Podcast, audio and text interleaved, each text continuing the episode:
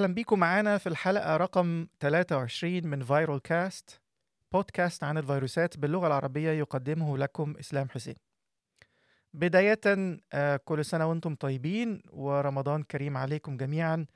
يا رب تكونوا في أفضل صحة وحال ويا رب تكونوا أخدتوا التطعيم أو على الأقل سجلتوا ومنتظرين دوركم في أخذ اللقاح.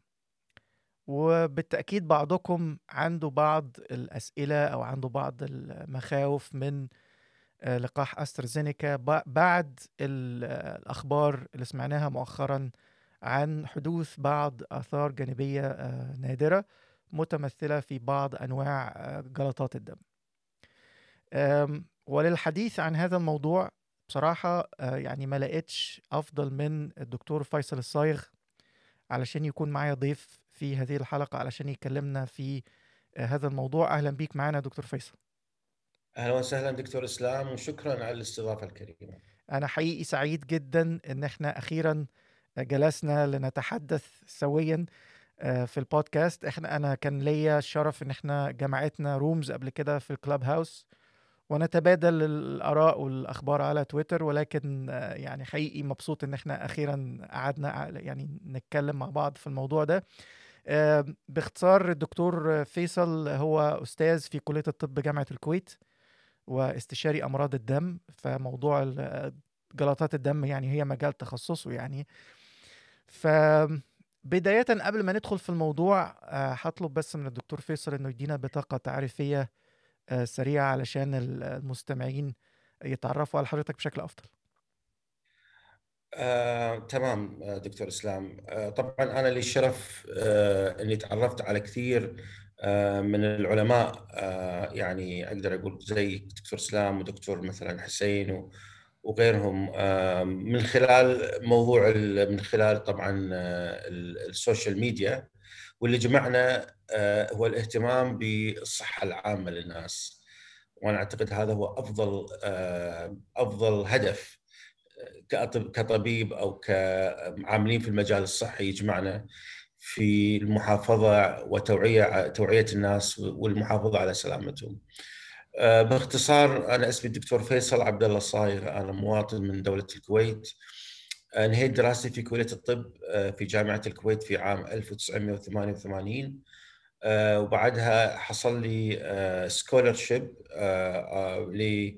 في في كندا في جامعة British Columbia في مدينة فانكوفر آه، بحيث إني انضممت في سنة 1990 آه، للتدريب في الأمراض الباطنية. وبعد ال- بعد ثلاث إلى أربع سنوات آه، انضميت عملت فellowship أو زمالة في أمراض الدم وزراعه نخاع العظم. في نفس المكان في مدينة فانكوفر. طبعا أنا ما حبيت أترك فانكوفر لأنها مدينة جميلة جدا يعني في كندا آه، وتعودت عليها. ف... فكنت محظوظ إن أنا يعني أستمر في الفellowship لغاية النهاية. رجعت إلى الكويت في 1996 ك... آه، كطبيب في وزارة الصحة وفي تس... في 1999 انضميت إلى كلية الطب كعضو هيئة تدريس. في جامعة الكويت وأنا مستمر آه، في عملي في جامعة الكويت ومنتدب إلى وزارة الصحة في مستشفى مبارك الكبير اللي هو اللي هو أكبر مستشفى تعليمي ملاصق لكلية الطب في الكويت. كذلك عندي عيادة خاصة يعني آه، أقدم خدماتي آه، إلى ال- إلى ال- الناس يعني اللي عندهم مشاكل في أمراض الدم. اهتماماتي أكثر طبعا الأشياء أو التخصصات اللي في أمراض الدم اللي تجذبني وهي محور أبحاثي هي أمراض الجلطات بصورة عامة خاصة الجلطات الوريدية. وعندي عندي آه، أبحاث منشورة بهذا الخصوص كذلك أنا من ضمن المؤسسين لمجموعة اسمها Gulf Thrombosis Collaboration أو آه، أو أو تجمع ال- الخليج العربي لأمراض الجلطة آه، من من آه، خبراء في أمراض الدم آه، في من كل دول الخليج عندنا منشورات دورية آه، تعليمية لل- للأطباء بالنسبة لامراض الجلطه وتطوراتها وعلاجها والوقاية منها. آه، هذا باختصار يعني شديد ما شاء عن الله. ال- تاريخ مهني مشرف وسبحان الله يعني حضرتك تخصصك في نفس النقطة اللي حابين نتكلم فيها النهاردة اللي هي القصة بتاعت أسترازينيكا. يعني باختصار شديد لو حد يعني كان واخد أجازة في كوكب آخر ومش متابع التفاصيل آه، مع أواخر فبراير بدايات شهر مارس الماضي آه، بدأنا نسمع أعتقد كانت أول حالة في النمسا. بدأنا نسمع عن بعض الملاحظات عن آثار جانبية للقاح أسترازينيكا. آه، ثم توالت الأحداث في أوروبا آه، إلى أن حدث توقف في بعض البلاد الأوروبية وتدخلت وكالة الأدوية الأوروبية وعملت مؤتمر صحفي وقالت أنه الأمور مطمئنة ومفيش أي علاقة سببية بين اللقاح وبين الجلطات وأوصت بالاستمرار في آه، تلقي اللقاح. وقالت إنها هتدرس الموضوع بشكل أدق وهترجع لينا باستنتاجات آه، أكثر عمقا. أعتقد في إبريل يوم 7 إبريل آه، عقدوا مؤتمر صحفي ثاني وقالوا إن هم شايفين إنه فوائد اللقاح تفوق بكثير أي آثار جانبية محتملة وأوصوا بإنه يتم إدراج موضوع الجلطات ده كأثر جانبي محتمل. وإن هم يعني يعلموا الأطباء والمتخصصين والناس اللي بتاخد اللقاح عن الموضوع بحيث إن هم يكونوا منتبهين لو حدثت أي أعراض بتقول إنه في احتمال آه، حدوث جلطة فيكونوا منتبهين ويتم يعني آه، آه، معالجة أو التعامل مع هذه الحالات بسرعة.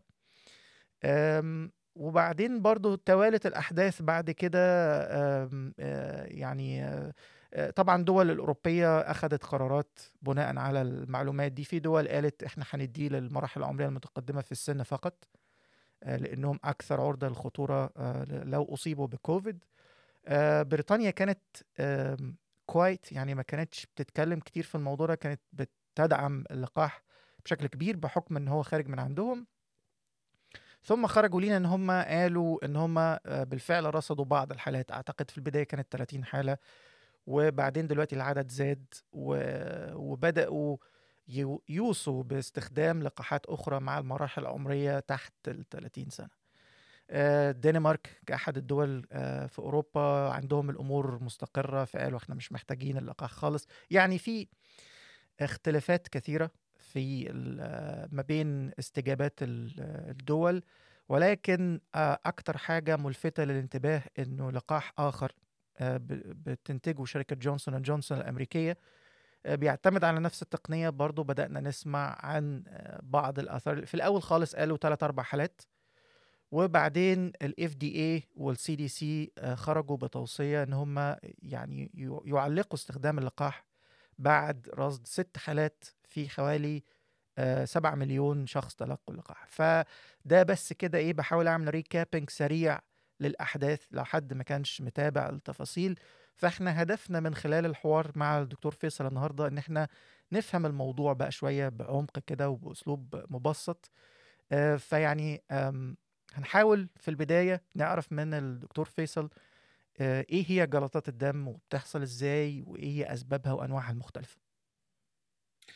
آه نعم دكتور إسلام. الجلطات بصورة مبسطة جدا ولكي يعني نوصل المعلومة البسيطة إلى ذهن المستمع. نقول بأن هناك نوعان بصورة عامة من الجلطات.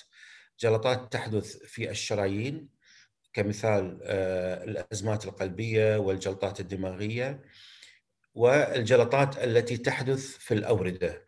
لأنه الأوعية الدموية في الجسم تنقسم بصورة عامة إلى قسمين.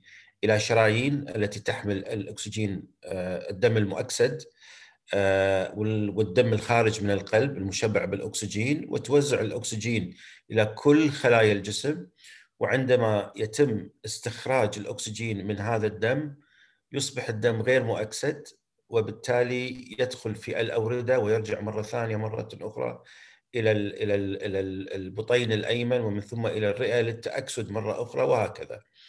فتركيب الشرايين يختلف تماما عن تركيب الأوردة. الشرايين تركيبات عضلية آه، مرنة قوية آه، آه، تختلف تماما عن الأوردة التي هي تتكون من طبقة رقيقة جدا من العضلات وهي طبعا لا تتحمل الضغط العالي.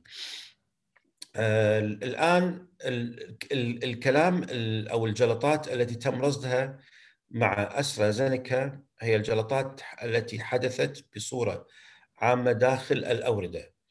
آه، إحنا لا نتكلم الآن عن جلطات حدثت في شرايين القلب أو شرايين الدماغ. نتكلم عن اورده الدماغ وأوردة البطن. آه، في هناك أخرجها آه، أحد العلماء قبل أكثر من 100 عام اسمه فيركاو يسمى ثلاثية فيركاو أو Virchow's triad وهو يلخص آلية آه، نشوء الجلطات الوريدية. هي ترتكز على ثلاث على ثلاثة عوامل أو تراياد العامل الأول ستيسز أو بطء حركة الدم كمحفز لنشوء الجلطات آه، وكمثال عدم الحركة أو أو النوم في المستشفى لفترة طويلة أو آه، مثلا عند الكسور يتم وضع جبيرة بحيث إنه الطرف المصاب يكون عديم الحركة فتقف حركة الدم داخل الأوردة. ومع العلم طبعا أنا مهدت بقضية إنه الشرايين عضلية فتستطيع أن تعمل نوع من ال pumping effect أو الضخ ولكن الأوردة ليست عضلية كالشرايين فتعتمد على حركة العضلات لضخ الدم في الاتجاه المعاكس للجاذبية وبصورة عليا إلى القلب. فعندما تنعدم الحركة تقف حركة الدم في الأوردة. وهذا يسبب خطورة طبعا لحدوث الجلطات. العامل الآخر اللي هو blood vessel wall أو جدران أمراض جدران الأوردة. وهناك أمراض تؤدي إلى التهابات داخل جدران هذه الأوردة وبالتالي حدوث آه، جلطات. العالم العامل الآخر مكونات الدم آه، أو ال clotting factors آه، وهناك أمراض وراثية أو غير وراثية تؤثر على التركيبة الكيميائية لعوامل التخثر فهذا يؤدي إلى تحفيز عوامل التخثر لإنتاج الجلطات. فإحنا أمام ثلاث عوامل ال stasis blood vessel wall وال blood component أو قله الحركة جدران الأوردة آه، ومحتوى ومحتوى الدم فهذه العوامل أي خطأ فيها أو أي آه، زيادة أو نقصان أو خلل يؤدي إلى تحريك ميزان إحنا نسميه ال hemostasis ال homeostasis ميزان ال ال ال هذا الميزان الدقيق سواء في اتجاه النزيف أو الجلطة. فإذا زادت عوامل التخثر على سبيل المثال فالميزان آه، يكون في صالح آه، أو تكون كفة الجلطات راجحة ولكن إذا كان هناك نقص في أحد عوامل التخثر فالكفة تكون أرجح في صالح سيولة الدم والنزيف وكمثال مرضى الهيموفيليا هو أحد أمراض الوراثية التي تنتج عن نقص وراثي في أحد عوامل التخثر الدم. فهو ميزان دقيق جدا ومعقد وهناك عوامل طبعا أكثر بكثير مما شرحت ولكن هذا الشرح مبسط للمستمعين. الآن بصورة عامة في خلال من من خلال ممارسات ممارستنا الطبية نقسم أسباب الجلطات إلى قسمين، قسم مختص بالحالات الوراثية والأسباب الأخرى تحت خانة الحالات أو الأمراض المكتسبة. الحالات الوراثية التي تؤدي إلى الجلطات الوريدية هي نقص في العوامل التي آه، تمنع آه، الجلطات لأن الدم صحيح في عوامل تخثر ولكن يحتوي على عوامل تمنع التخثر لكي يكون هناك بالانس آه، توازن داخل الدم. فعندما مثلا شخص يجرح نفسه هناك عملية معقدة من خلالها ترجح كفة عوامل التخثر لنشوء جلطة صغيرة في مكان القطع لكي يقف فقد الدم. ولكن الجسم له كذلك نفس القابلية لمنع امتداد هذه الجلطة إلى أماكن غير مرغوبة، يعني إحنا عايزين الجلطة تحدث فقط في في مكان الجرح مش عايزين الجلطة تمتد إلى أماكن طبيعية أخرى. ف فعوامل المضادة للجلطة تعمل في حدود الجلطة وتمنع امتدادها إلى أماكن غير مرغوب فيها. ولكن إذا كان هناك نقص في العوامل التي تمنع تخثر الدم هناك ثلاث بروتينات أساسية موجودة هي protein C protein S وال antithrombin أي نقص في في هذه العوامل ذلك يؤدي إلى امتداد الجلطة أو نشوءها بطريقة تلقائية داخل الأوردة آه، وبالتالي حدوث الجلطات الوريدية العميقة. آه، هناك آه، خلل جيني يحدث في عامل التخثر رقم خمسة وهذا يحفز على حدوث الجلطات. يسمى factor 5 لايدن، لايدن من مدينة لايدن في هولندا لأنه تم وصف هذا البروتين أو الخلل الجيني في هذه المدينة. وهو شائع جدا في أوروبا بحيث إنه الإحصائيات تقول بأنه من 5 إلى 7% من الأوروبيين يحملون هذا الخلل الجيني وبالتالي هم معرضين آه، لحدوث جلطات وريدية بسبب آه، النسبة العالية من حمل هذه الصفة الوراثية. آه، وكذلك بالإضافة إلى وجود كثير من الحالات الموروثة التي قد تحفز حدوث الجلطات الوريدية، طبعا أنا مش عايز أدخل بالتفاصيل أكثر. نذهب إلى العوامل الغير وراثية، العوامل المكتسبة.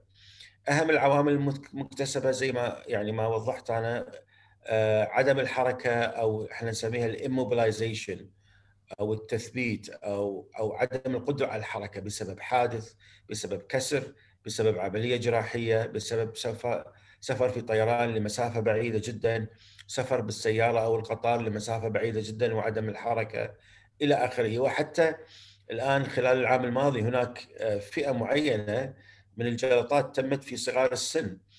وبسبب كورونا لأنه الشباب ما في عندهم شيء في البيت وبيلعبوا جيمنج فسموها جيمنج دي في تي جلطات ورديه عميقة بسبب جلوس المراهق أو الشاب لساعات طويلة جدا من غير حركة. فهذه أدت أنا شخصيا شفت أكثر من حالة. من هذه الفئة. كذلك كونك ذكر رجل ففرصة حدوث الجلطة أعلى كبار السن من من من ال 60 وال 65 وأنت طالع ترتفع نسب الجلطات الوريدية عندهم بصورة كبيرة جدا. آه، أخذ حبوب منع الحمل يزيد فرصة الجلطات الوريدية.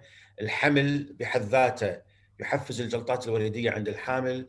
فترة النفاس الفترة التي ما بعد الحمل لمدة شهرين على الأقل تزيد من فرصة الجلطات الوريدية بنسبة أكبر حتى من الحمل هناك أمراض مناعية آه، أهمها مرض يسمى antiphospholipid syndrome هو مرض روماتيزمي مناعي يؤدي إلى جلطات وريدية وإلى نزول بالصفائح الدموية بشكل مشابه زي الحالات اللي إحنا سمعناها حدثت.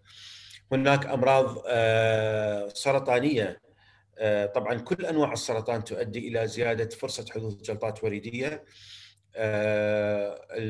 هناك أمراض آه، مزمنة زي مرض الأمراض أمراض القولون التقرحي اللي هو ال ulcerative colitis أو ال Crohn's disease كذلك يؤدون إلى زيادة فرصة حدوث آه، جلطات وريديه، الناس اللي عندهم آه، التهاب مزمن في الكلى يسمى nephrotic syndrome بحيث إنه يكون هناك تحرير للبروتينات في في البول. يعني عند قياس معدل الألبومين والبروتينات في البول يكون المريض المصاب يفرز كمية كبيرة جدا يوميا بسبب خلل في وحدة الكلى اللي اسمها النفرون. وهناك أدوية طبعا تسبب الجلطات أهم هذه الأدوية هو دواء الهيبرين والهيبرين هو دواء مسيل للدم. من أكثر الأدوية المسيلة للدم استخداما حول العالم.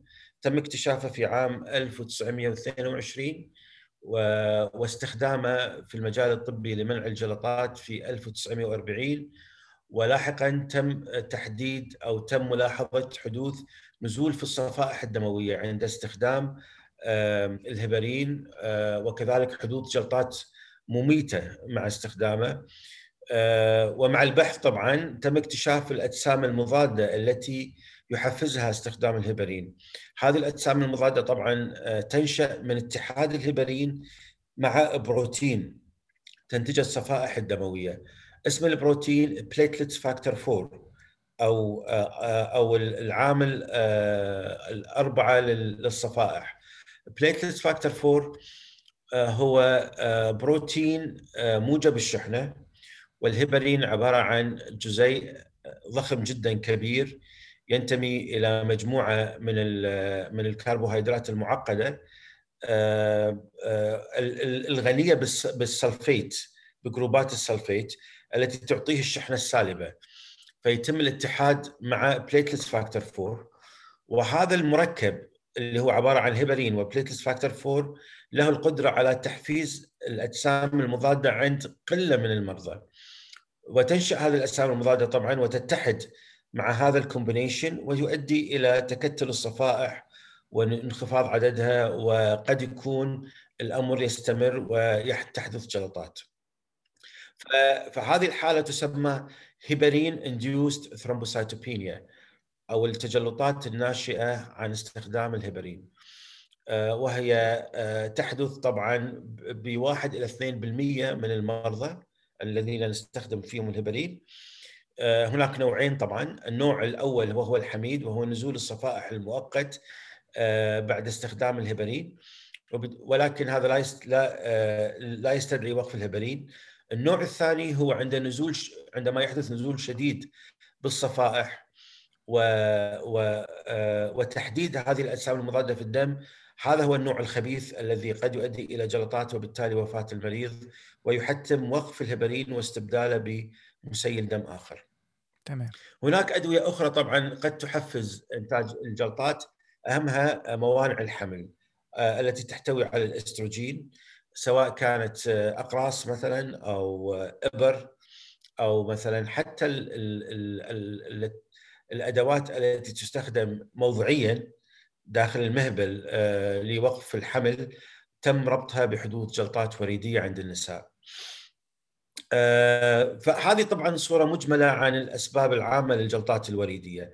الآن نتكلم عن الجلطات إذا تحب الدكتور إسلام آه عن الجلطات اللي تحدث داخل الدماغ الوريدية داخل الدماغ لأنها جلطات نادرة جدا وكذلك الجلطات التي تحدث داخل البطن، طبعا معظم الحالات اللي تم رصدها هي جلطات وريدية حدثت داخل الدماغ. آه، طبعا بالنسبة لأسترازينيكا عشان نوضح للناس نعم. نعم بالنسبة لأسترازينيكا وقليل من جونسون أند جونسون. تمام. كذلك. يعني تم تحديد ست حالات مع جونسون أند جونسون.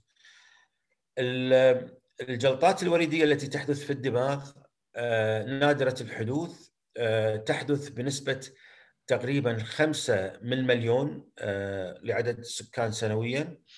ولكن هناك دراسات حديثة تقول بأن النسبة أعلى قد تصل إلى إلى 15 مريض سنويا لكل مليون. طبعا هي نسبه وتناسب قليلة جدا ولكن هذا يعطيك دلالة على إنه هذه الحالة نادرة جدا. ما هي مسبباتها؟ أهم مسبب لحدوث هذه الحالة هو وجود التهاب في الأغشية الداخلية المحيطة في المخ سواء التهاب صحايا أو التهاب آه، المخ يسمونه encephalitis أو encephalitis إذا كان هناك التهاب شديد في الأذن الداخلية فأي التهاب يؤدي قد يؤثر على على على آه، على الاورده داخل المخ وبالتالي يؤدي إلى حدوث الجلطات. الشيء الآخر هو الحالات الوراثية اللي تكلمنا عنها. إذا كان هناك نقص شديد جدا في البروتينات التي تمنع تخثر الدم آه، اللي هي ال protein S protein C antithrombin 3 وغيرها طبعا هذه بصورة مجملة عن عن عن الجلطات الوريدية داخل هذه الأماكن نادرة الحدوث أو حدوث الجلطات في هذه الأماكن. جلطات نادرة حسب الإحصائيات العالمية. نعم. آه نعم تفضل دكتور. آه طيب هو دلوقتي إحنا أمام صورة بتقول إنه في آه، قاسم مشترك ما بين الحالات اللي تم رصدها بعد التطعيم بلقاح أسترازينيكا تقريبا في خلال أسبوعين في المتوسط. وأغلبية لا. الجلطات دي في الأوردة اللي بتنقل الدم من المخ إلى القلب مرة أخرى وزي ما حضرتك تفضلت الجلطات دي المفروض إن هي نادرة الحدوث أغلبية الحالات ظهرت في سيدات آه، تحت عمر ال 55 أو ال 60 و... نعم. وفي برضو تشابه بين الجلطات بتاعت أسترازينيكا وجونسون أند جونسون فتقييم حضرتك للموقف ده إيه؟ هل نحن أمام علاقة سببية واضحة؟ إحنا دلوقتي طلعت لينا أكتر من آه، دراسة نشرت في New England Journal of Medicine بيتكلموا عن case studies اللي هي الحالات اللي تم رصدها في ألمانيا وفي أعتقد في النرويج. فحضرتك نعم. قيمت ال- الموقف ده إزاي؟ آه، هل شايف هنا يعني هل ترى علاقة سببية واضحة؟ طبعا آه، سؤال جيد. وأنا بعد أحب أضيف إنه آه، قبل اللقاء آه، في article منشورة في New England online عن 22 حالة من ال UK لأنه هذه الدراسة البريطانية. طبعا بريطانيا رصدت آه، 79 حالة تقريبا 79 حالة جلطات نادرة من أكثر من 20 مليون متلقي للقاح. آه، والريبورت المنشور عن 22 حالة تم تحديد الأجسام المضادة اللي حنتكلم عنها. الآن ال- ال- العدد الحالات طبعا بالنسبة لعدد المتلقين للتطعيم قليل جدا وقد يتساوى مع ما هو آه، معروف من نسبه حدوث هذا النوع من الجلطات في ال general population أو في ال ال ال الناس السليمين أو الأصحاء بصورة عامة. آه الآن قد يقول قائل لماذا حدثت فجأة هذه الحالات زي المشروم فجأة خرجت؟ الإجابة بسيطة لأنه تم تطعيم عدد كبير جدا من من من الأوروبيين خلال فترة قصيرة جدا، يعني أنت عندك أكثر من مليون 30 مليون آه، آه، جرعة لقاح أعطيت إلى إلى أوروبا بصورة عامة. بريطانيا مع مع الدول الأوروبية الأخرى. وخلال فترة قصيرة جدا فأي حدث عارض نادر جدا آه، سيظهر آه، بسبب العدد المهول من الجرعات خلال فترة قصيرة جدا. لو تم إعطاء نفس العدد خلال خمس سنوات مثلا لما انتبه أحد لهذه الظاهرة. لأنه حتكون هذه الحالة لو كانت بالفعل بسبب اللقاح حتكون dispersed أو آه، أو مم. يعني آه يعني يعني دايليوتد خلال فترة زمنية بعيدة. فمش حتثير الانتباه. ولكن إحنا ركزنا هذه الحالات في فترة زمنية آه، قليلة جدا بسبب إعطاء هذا الكم المهول من اللقاحات خلال شهرين أو ثلاث شهور لعدد كبير جدا. فلهذا السبب ظهرت هذه المشكلة وكأنها مشكلة عملاقة. هذا أول شيء. الشيء الآخر هذا دليل إنه إنه الجهات الرقابية تعمل في حماية آه، متلقي اللقاحات. لا تغفل عن أي عارض حتى لو كان عارض أتى من باب الصدفة. سيتم رصده والتحقق منه وحتى إعلام العامة والناس بهذا العارض. هذا المفروض يزيد من ثقة المواطنين وعموم الناس بالجهات الرقابية بصورة عامة. آه الآن ال- ال- ما هو المسبب؟ هل بالفعل هناك علاقة ما بين اللقاح و آه، وحدوث هذه الجلطات؟ طبعا إذا استندنا إلى إلى آخر تقرير لوكالة الأدوية الأوروبية هي لم تجزم بهذه العلاقة. وحتى وكالة الدواء البريطانية لم تجزم بهذه العلاقة. لو كان هناك يعني بالفعل علاقة موثقة ماء بالماء حتى لو كانت نادرة لما تم تخصيص هذه اللقاحات في بريطانيا لم- لما هم أكثر من 30 عام. أه تخيل يعني أه يعني يعني مع اللغط اللي صار وال- والشوشرة الإعلامية لا أعتقد بأنه بريطانيا ستقوم بالمجازفة بإعطاء دواء قد أو تم إثبات علاقته بهذا النوع من الجلطات النادرة وتعريض حياة بعض الناس للخطر. آه، لأنه أنت تتكلم الآن عن 30 مليون شخص في بريطانيا لم لم يأخذوا اللقاح. 50% تم تطعيمهم و50% بانتظار التطعيم. فعندك عدد كبير جدا لم يتلقوا اللقاح. في ألمانيا نفس الشيء في ألمانيا تم تحديد سن اللقاح لمن هم أكثر من 60 أو 65 عام.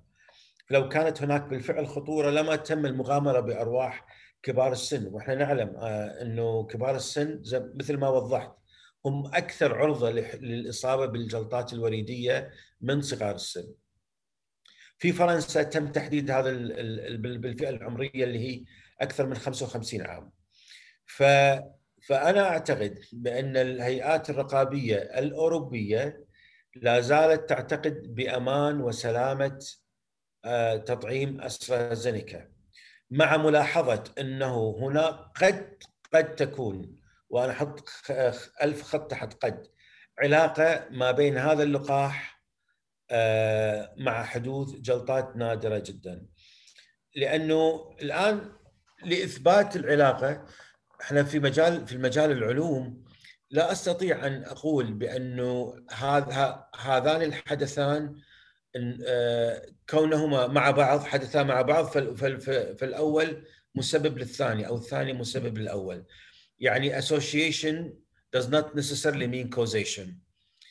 هذه هذه نقطة مهمة. إلا إذا أنا تم إثبات الآلية التي تم تمت فيها حدوث الجلطات مع إثبات إنه آه إنه نفس المتلقي اللقاح الذين لم تحدث لديهم جلطات لم يصابوا أو لم يتم تكوين أجسام مضادة شبيهة بالتي تم رصدها بمتلقي اللقاح وحدثت معهم جلطات. يعني أنا أعتقد إنه إذا كان هناك بالفعل علاقة سببية أول خطوة هو عمل ما يسمى ب case control study. ولكن اللي حدث لغاية الآن هو فقط case reports أو small case series وهذه لا ترقى إلى مرتبة الدليل القاطع في في العلوم. بس كلهم بيشتركوا حضرتك في الخاصية بتاعت إنهم كونوا أجسام مضادة ضد ال platelet factor رقم أربعة اللي حضرتك ذكرته في بداية اللقاء. كلام سليم. آه وده في يعني في بعض الناس شايفاه إنه آه يعني ظاهرة كافية إن إحنا نقول إنه في آه some sort of association يعني في فعلا حاجة آه، في اللقاح هي اللي تسببت في تك أو إحنا حتى مش فاهمين يعني إحنا لسه مش فاهمين الميكانيكية. يعني أنا أنا حتى بحاول أراجع كل اللي أنا أعرفه عن ال adenovirus ك ك كفيروس وتركيبه لا يوجد شيء. أنا أنا أنا ألاقي في بعض النظريات الناس بتطرحها اللي بيقولوا مثلا ممكن تكون ال viral DNA اللي جوه ال vector ممكن يكون هو اللي بيتسبب في في لا. في القصة دي. فأنا أنا شخصيا أنا مش فاهم إيه, إيه الموضوع. بس بس في يعني عايز أقول اتجاه رايح ناحية إنه في احتمال إنه في علاقة سببية. بالضبط. الآن في الورقة النرويجية آه، اللي تم نشرها في آه، استشهاد في جزء الدسكشن استشهاد بورقة علمية هذه الورقة العلمية تقول بأنه في دراسات سابقة تم تحديد نسبة لا تقل عن 3% أو 4% من من من الناس اللي لم يتعرضوا للهبرين سابقا بأنهم حاملين لهذا النوع من الأجسام المضادة. آه، ولكن طبعا ب low titer أو بمعدل منخفض. فوجود هذه الأجسام المضادة تم توثيقه سابقا في الأشخاص الطبيعيين العاديين قبل موضوع كورونا وقبل موضوع اللقاحات وهؤلاء لم يتلقوا في حياتهم عقار الهبرين لكي نقول بأنه تم تحديد وجود هذه الأجسام المضادة. ف فهو بالنهاية هو هو في ديسريجيليشن أو في عدم انتظام في هذه الخلايا أو تحفيز غير معروف لإنتاج هذه الأجسام المضادة الشبيهة بالتي يتم إنتاجها كنتيجة لاتحاد الهبرين مع ال platelets factor 4 الآن أول ما ظهر الخبر أنا شخصيا استنكرت الخبر لأنه هذه الأجسام المضادة هي specific أو مخصوصة الجسم ينتجها لاتحاد الهبرين مع ال platelets factor 4 هذا ال complex يحفز هذا النوع من الأجسام المضادة. عندما يأتون ويقولون لقد وجدنا هذه الأجسام المضادة وهي كسبب. طب المرضى وفي نفس الوقت يقولون إن المرضى لم يتم تعرضهم للهبرين. فطب كيف تم استثارة هذه الخلايا لإنتاج هذه الأجسام المضادة. هنا ال gap أنا أعتقد المشكلة ال big gap is in this area في هذه المنطقة.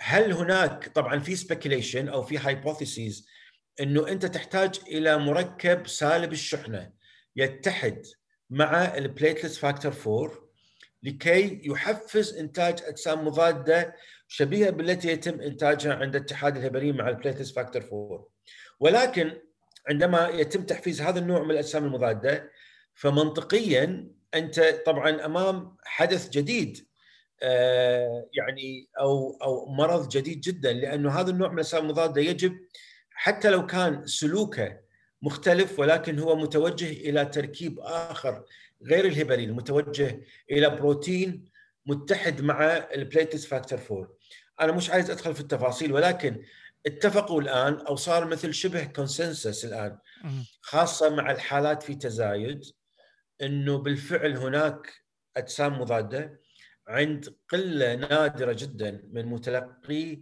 لقاحات المعتمدة على منصة الفيروس الناقل أو ال adeno vector viruses و وهذا التحفيز لهذا لهذه الأجسام المضادة المرضية أو ال pathological التي قد تؤدي إلى انخفاض في الصفائح وتكون جلطات غير معروف الأسباب بتاتا.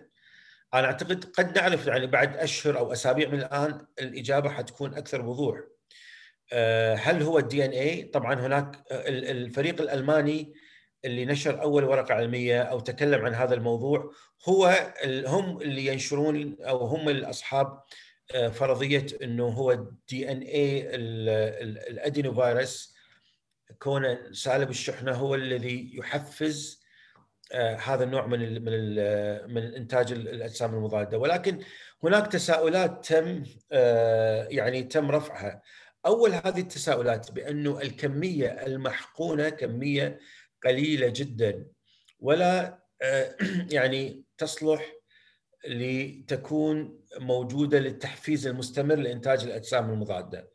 يعني أنت تحقن شيء داخل العضل ولا تحقن شيء داخل الوريد أو الشريان أو الاوعيه الدموية. يعني الحقن موضعي ويتم آه، معظم هذه المادة المحقونة هي مادة قليلة جدا من ناحية المليمترات. تم آه، تحديد إنه يتم حقن 50 آه، مليون تقريبا بليون أعتقد 50 50 مليون فيروس. وهذه المفروض تختفي أو تدخل داخل خلايا العضلات على طول يعني. لا تظهر بصورة كبيرة خارج الجسم. وحتى لو كان هناك كمية قليلة خارج الخلايا فستكون بين الخلايا بال interstitial tissues يعني يسمى وليس داخل ال intravascular space أو في فضاء ما داخل الشعيرات والأوعية الدموية لكي يتم ملاحظتها من خلايا المناعة. مع أن هناك خلايا مناعة موجودة بالأنسجة طبعا هناك ال tissue histiocytes وال monocytes وغيرها ولكن الكمية قليلة جدا. رقم اثنين يقال بانه بعض هذه الفيروسات قد تكون متفتتة و والدي ان اي الموجود هو دي إن اي حر. نعم. لهذا السبب يتم ملاحظته من خلايا المناعة. ولكن حتى هذا الكلام يعني أنا بس تساؤلي آه، كم دي إن اي جزيء دي إن اي تحتاج لكي آه، ينتج منا عنا تحفيز لجهاز المناعة. آه، أنت تتكلم الآن عن كمية قليلة جدا لأنه الكمية المحقونه كمية قليلة نسبيا. فوجود دي إن اي نيكد دي إن اي أو دي إن اي عاري آه، أول شيء بقاء فرصة بقاء قليلة حيتفتت. حتى الكمية اللي تدخل منه إلى الدم ستذهب إلى ال إلى ال إلى الكبد ويتم تفتيته عن طريق الإنزيمات اللي تفتت ال DNA زي nucleases وغيرها مثلا نعم. آه فما يتبقى منه شيء آه لكن أنا قد أكون إحنا دائما نترك مجال إنه قد يكون هناك آلية أخرى بالفعل عند بعض الناس عندهم super sensitivity لكميات قليلة جدا من ال من ال من ال DNA يعني وينتجون الأجسام المضادة. هناك من تكلم عن بعض مكونات غلاف آه، اللي هو ال nucleic capsid نعم. الغلاف اللي يحمي ال DNA قد يكون هو المحفز. طب خلينا نفترض يعني جدلا إنه فعلا تم إثبات العلاقة. نعم. ما هو تقييم حضرتك للمنفعة آه، في مقابل آه، معدل الخطورة يعني لو أنا دلوقتي آه، باخد قرار في وسط جائحة. وعندي آه، فيروس لعين آه، بيؤدي إلى حوالي 3% وفيات. لو أنا باخد قرار بناء على المعلومات المتاحه ليا وخلاص تأكد ليا إنه في نسبة بسيطة جدا من الناس خلينا نقول الاتحاد الأوروبي بيقول واحد في المئة ألف إنجلترا بتقول واحد في كل 250 ألف يعني ايا كان الرقم هو بسيط جدا جدا جدا. فأنا عايز أعرف من حضرتك يعني أنا أنا أنا شايف إنه كفة الخطورة رايحة ناحية الإصابة لأنه الفيروس ده نفسه بيعمل جلطات وبمعدل أضعاف أضعاف أضعاف اللي تم رصده مع ال- الفاكسين فنتصرف صحيح. نتصرف إزاي يعني الهيئات الرقابية دي بصراحة في في وضع لا يحسد عليه هم نعم. عايزين يتأكدوا تماما إن هم ما بيدوش أي توصيات قد تسبب ضرر للناس من خلال التطعيم. ولكن في نفس الوقت هم أمام أزمة صحية كبيرة بتعصف بأي أكبر الأنظمة الصحية في العالم. أمريكا كان فيها كل 30 ثانية واحد بيموت في شهر يناير الماضي. فنتصرف إزاي ونقيم الموقف إزاي؟ أنا أعتقد بوجهه نظري وأعتقد هي نفس وجهة نظرة نظر الجهات آه، والمنظمات الدولية الصحية في العالم. هو طبعا الاستمرار بإعطاء هذه اللقاحات لأن الفائدة تتعدى بكثير أي ضرر محتمل من إعطاء هذه اللقاحات. هذا كلام يعني لا جدال فيه آه، ابدا. آه، الآن لنذهب إلى لغة الأرقام. أنا تكلمت قلت إنه في أقل الاحتمالات فرصة حدوث الجلطات الدماغية الوريديه هي خمسة لكل مليون. وفي آه، وفي بريطانيا بعد رصد الحالات بال 20 مليون اللي تم تطعيمهم. تم تقريب نسبة الحدوث بحالة لكل ربع مليون أو أربع حالات لم- للمليون. يعني نسبة حدوث الجلطات الوريدية الم- المنسوبة إلى أسترازينيكا مشابهة لما يحدث بصورة طبيعية تلقائية آه، بالنسبة للإحصائيات. أوكي؟ هذا مع العلم إنه إذا وضعنا فرصة الإصابة بفيروس كورونا والنسبة المرتفعة جدا لحدوث الجلطات والوفاة. طبعا تتكلم على وفاة تصل إلى 2 إلى 3% ونسبة جلطات قد تصل إلى 20% خصوصا في الحالات آه، الصعبة والنسبة تكون قد تكون أكثر من 20% للحالات اللي تحتاج إلى العناية المركزة.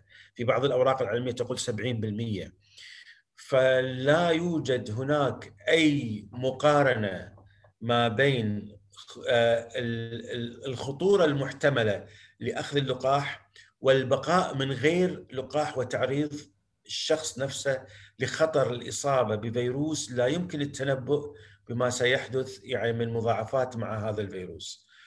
آه، فطبعا الكفة تميل بصورة غير مسبوقة لصالح التطعيم. ال ال الآن نعم.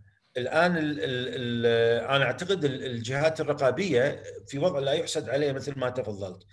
ال- ال- المستشارة الألمانية خرجت اليوم آه، أمام الملأ وأمام المواطنين الألمان وأخذت لقاح أسترازينيكا لتطمينهم بأنه لقاح آمن.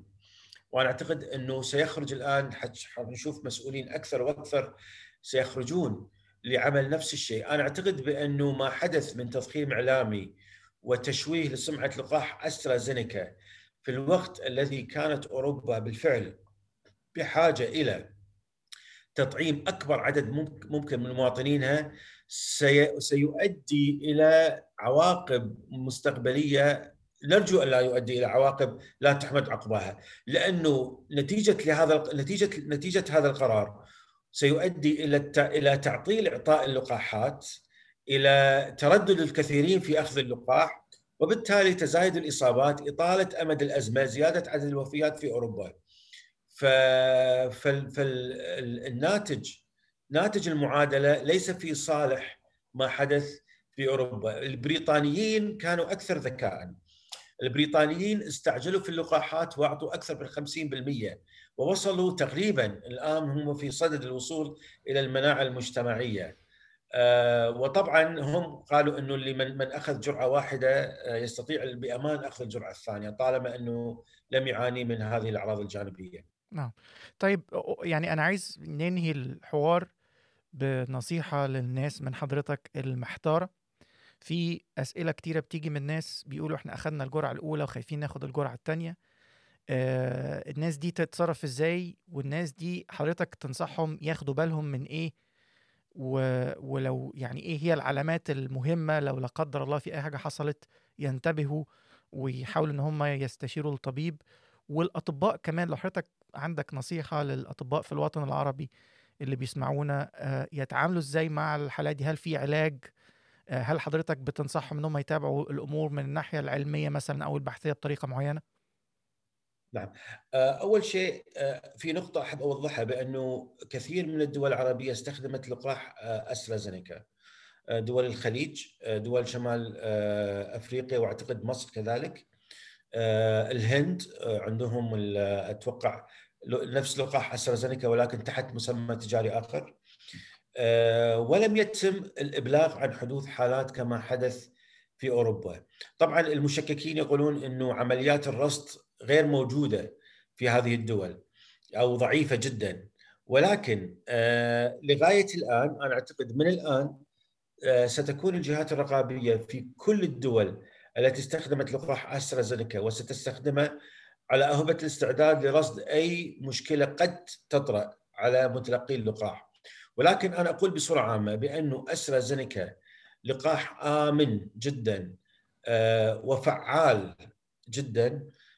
والدليل هي الأرقام الموجودة المنشورة عن بريطانيا في انخفاض كبير في عدد حالات الإصابات ودخول المستشفى والعناية المركزة والوفيات مع العلم بأن عدد كبير من هؤلاء تلقوا جرعة واحدة فقط.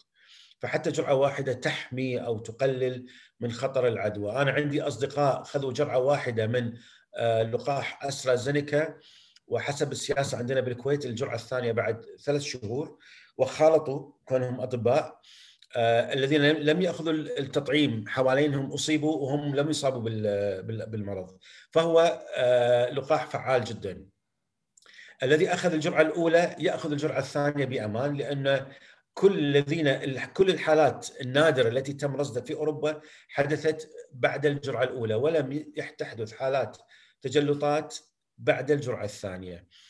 آه، ما طبعا لمتلقي اللقاح أنا أقول يعني من يأخذ اللقاح يجب آه، عليه أن يلاحظ الآتي. طبعا هذه أحداث آه، طبعا نادرة جدا. طبعا هناك أعراض جانبية معروفة للقاح. قد تحدث حرارة ألم في مكان الإبرة آه، رشفه ارتفاع آلام في المفاصل في العضلات آلام زي البرد زي حدوث يعني التهاب فيروسي. في بعض الناس ما تحدث معاهم أي شيء أي شيء من هذه الأمور. ولكن هناك من تعب يعني وحس كأنه مصاب بإنفلونزا شديدة.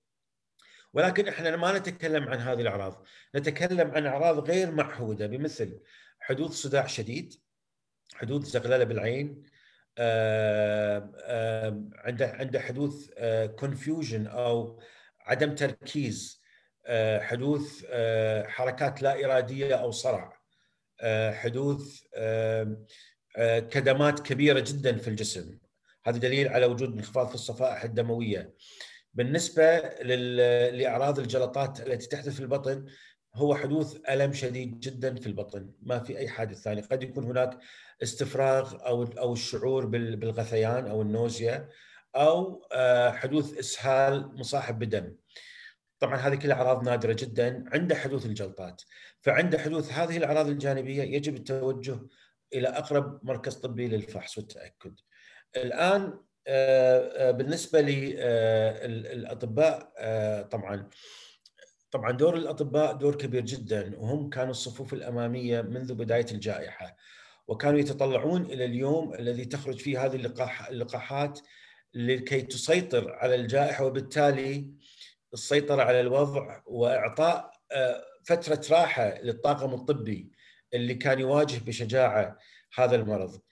آه، طبعا دور الأطباء الآن أنا أتوقع يجب أن يكون دور توعوي آه، في في في البيان حقيقة مأمونية اللقاحات وشرح آه، أي أخبار طبعا إحنا هذا دورنا الآن نقوم فيه بالسوشيال ميديا نشرح للناس الأخبار والدراسات المتواردة عن هذه اللقاحات وفرصة واحتمال ربطها بحدوث هذه الجلطات النادرة. ولكن أنا أعتقد يجب كذلك أن ينتبهوا إلى أحدث الطرق العلاجية لعلاج أي تجلطات ممكنة أو محتملة قد تحدث بعد استخدام هذا اللقاح الذي هو منشور حاليا بأنه لا يجب إعطاء صفائح دموية لأنه قد تزيد من التجلطات.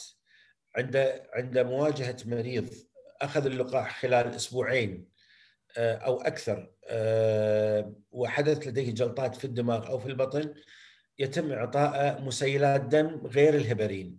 هناك مجموعة أخرى من المسيلات التي لا تنتمي إلى مجموعة الهبرين. يجب كذلك إعطاء ما يسمى بال IVIG أو immunoglobulins ال immunoglobulins تزيد من عدد الصفائح الدموية وكذلك آه، إعطاء البريدنزولون أو الكورتيزونات للتقليل من معدل الاجسام المضادة ووضع طبعا المريض في العناية المركزه للمراقبة. هذه الآن تقريبا هذه التوليفة هي الآن المعتمدة اللي هي المسيلات الدم التي لا تحتوي على الهيبارين ال gamma globulins والكورتيزون هذا هو العلاج لهذه الحالة بالوقت الحاضر. نعم تمام. طيب معلومات كلها مفيدة ويعني أنا اتعلمت من حضرتك كتير عن الموضوع بتاع الجلطات لأنها يعني بعيدة شوية عن المجال اللي أنا متخصص فيه ولكن أتمنى الناس اللي بيسمعونا يكونوا الموضوع واضح ليهم بشكل أفضل. ونقدر نقول إنه يعني على حسب ما فهمت من حضرتك إنه الكفة آه، ترجح ناحية التطعيم آه، ونحن في انتظار المزيد من الدراسات اللي ممكن توضح لنا الصورة بشكل أفضل. فيعني حابب في نهاية الحوار الممتع ده إني أشكر الدكتور فيصل على وجوده معايا كضيف في هذه الحلقة. شكرا جزيلا على وقتك دكتور فيصل. بالعكس أنا لي الشرف دكتور إسلام وأنا حاضر يعني في أي مناسبة بالمستقبل لتوضيح أي مستجدات في هذه الساحة. وحتى لو إحنا نتكلم على أمور لها علاقة بأمراض الدم خارج نطاق كورونا أنا أنا معاك بأي وقت دكتور. ربنا يكرمك. وصديق عزيز وأنا أتشرف الشرف ليا والله وإن شاء الله على لقاء بقى بإذن الله في الكويت أو في أمريكا بعد انتهاء الأزمة إن شاء الله. شكرا لكم على استماعكم لهذه الحلقة. آه، تقدروا تتواصلوا معايا بشكل مباشر من خلال الإيميل الخاص بالبودكاست virolcast@gmail.com أو من خلال تعليقاتكم على ال tracks بنحطها على ال SoundCloud. آه، شكرا جزيلا على الاستماع وإن شاء الله آه، نقابلكم في حلقة قادمة. السلام عليكم.